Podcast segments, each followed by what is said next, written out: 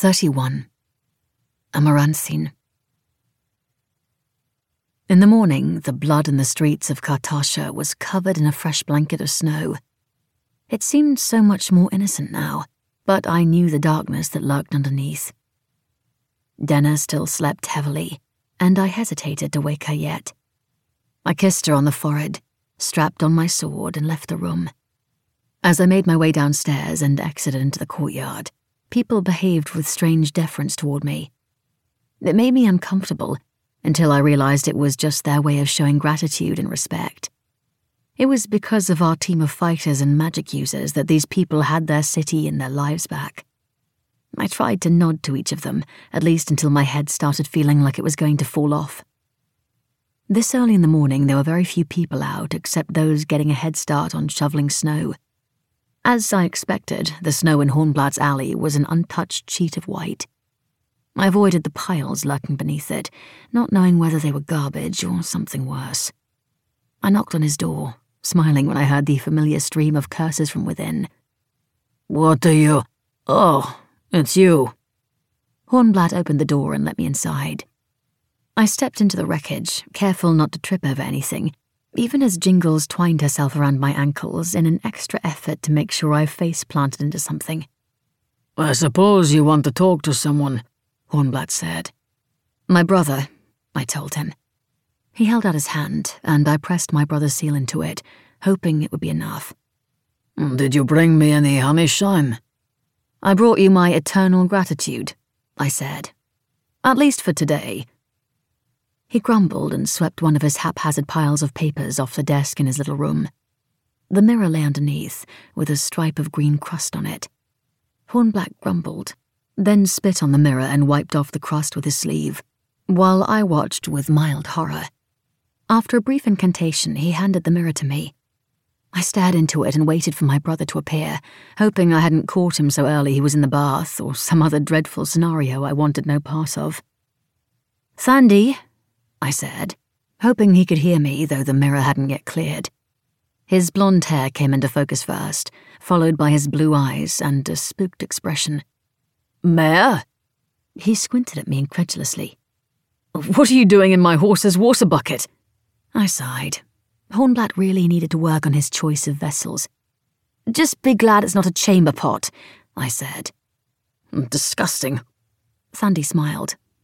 I suppose it must be you, and I suppose this is some bizarre Zamordan magic that I'm to accept as a matter of course. Hornblatt huffed indignantly from the other side of the table. We took back the city of Kartasha from the Sonnenborns, I said. The Zamordans will help us take back Zephyr Landing in the same way, if you'll grant me command. In addition to the cavalry, I now also have a company of foot soldiers at my disposal. Sandy stared at me like he was seeing me for the first time. You're commanding an army? Of sorts. I smiled. The Havamontians will be so glad to hear this, Sandy said.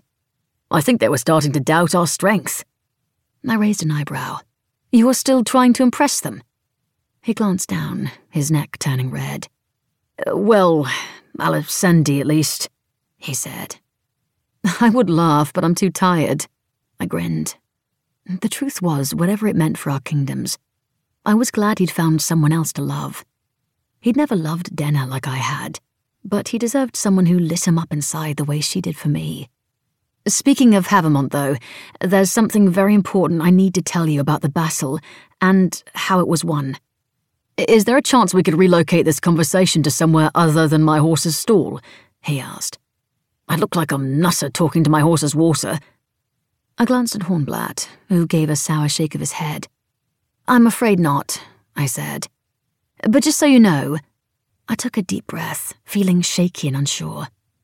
I had to tell him the truth, but I wasn't sure how. There are a few facts I need to clear up with you about what happened when Creance abducted me. Sandy's face twisted with guilt. I'd rather not talk about that night, he said. My own guilt doubled in size. I, I know, but we must, I said softly. It's about Denna. Nothing I can do will ever make up for losing her, he said. I don't expect you to forgive me. I won't ever forgive myself. The moment had come for truth. But Denna is still alive, I said. She didn't die in the starfall. What? Sandy looked like he'd taken a hoof to the head. Can you hurry up this confession? Hornblatt interrupted. Some of us have other things to do, or drink. I shot him a dirty look. Who is that? Sandy asked. A friend of sorts, I said, to which Hornblatt looked rather pleased in spite of himself. So, Denna. she lives? The tentative hope on Sandy's face was almost more than I could bear. I nodded. She was part of the team that helped reclaim Kartasha. She's been here learning to control her magic and use it for the greater good. I'm sorry we didn't tell you sooner. She feared persecution in Mynaria and desperately needed training for her gift. Sandy stared at me, looked up for a few long moments, and then took a deep breath and finally met my gaze in the mirror again. I don't know what to say, he finally said. That's it? I said incredulously. It wasn't that long ago that I got used to knowing she was dead, and now you're telling me she's not. It's a lot to process, Mare. Fair, I said. I resisted adding a snide comment that whatever grief he'd felt over Denna's death was probably more peaceful than what Denna and I had been through in the last few moons. In any case, it sounds like she's succeeded in doing some good, he said. I'm happy for her that she's found a path that makes use of all her talents. It's what her family would have wanted for her. It's what I would have wanted for her, had I been a wiser man when we first met. Maybe it wasn't just my brother who didn't recognize me. I barely recognized my own brother, but I liked the person I was getting to know now. I think she would appreciate that a lot, I said. In any case, please tell her she's free, in case that was something that still concerned her. Alicendi and I have worked out new alliance terms that don't involve marriage, but are still productive for both our kingdoms. And I hope to broker one with Zamorda as well. It may be a while coming, I said. The Queen is still a difficult person to win over. Anything that could be a threat to her autonomy isn't received well. Oh, I have so much to tell you. Mare? Hmm? After Zephyr Landing, will you promise me you'll come home? He asked. My throat tightened. I'd never thought my brother would want me around. I'd always assumed that, just like my father, he'd want me sent off to be married as soon as he could find someone foolish enough to take me. I could really use your advice from time to time, you know. I nodded, overcome. Yes.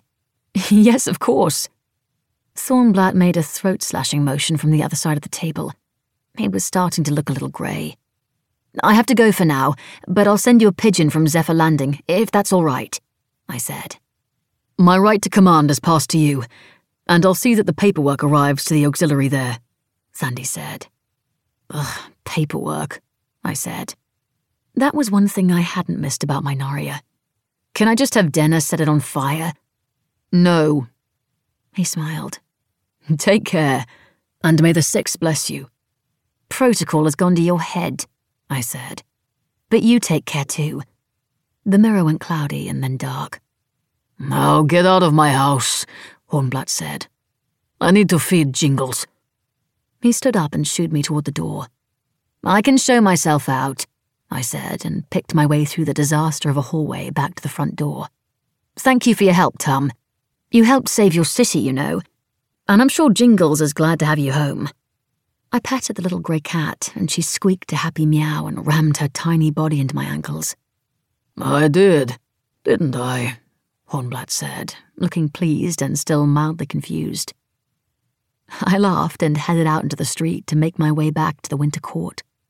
The air smelled heavy and metallic in a way I'd come to recognize meant it was probably going to snow again. I pulled my cloak more tightly around my shoulders and walked as quickly as I could to keep warm. When I arrived in my rooms, now at the Winter Court and far finer than those I'd had at the Merchant's Hall, Denna was waiting for me.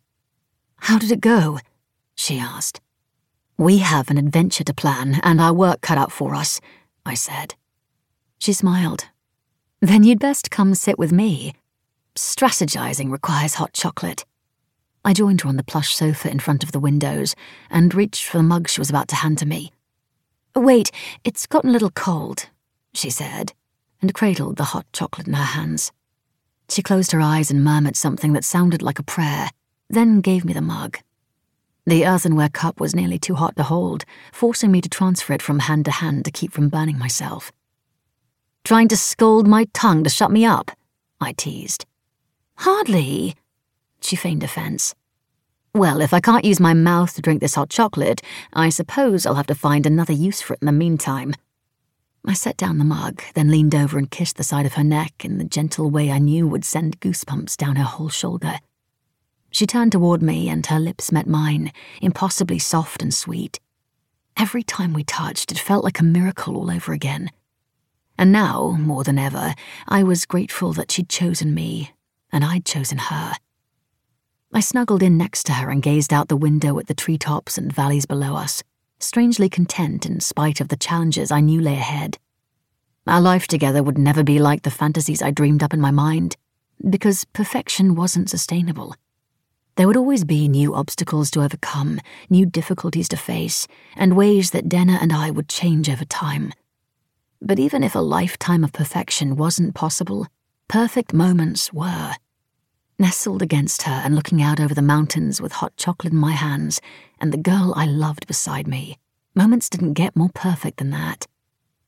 Snowflakes began to fall, blurring the outside world with white, so I turned back to Denna for another kiss knowing that wherever the future took us, we would go together.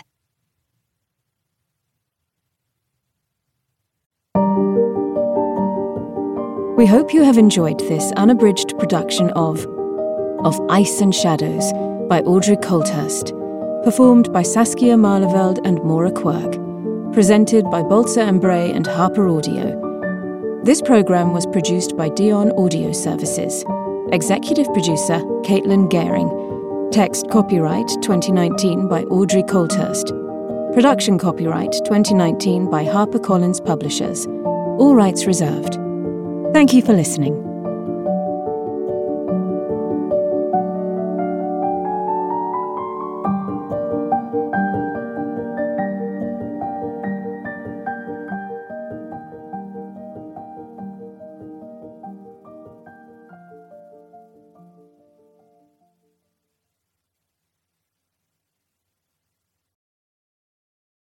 Audible hopes you have enjoyed this program.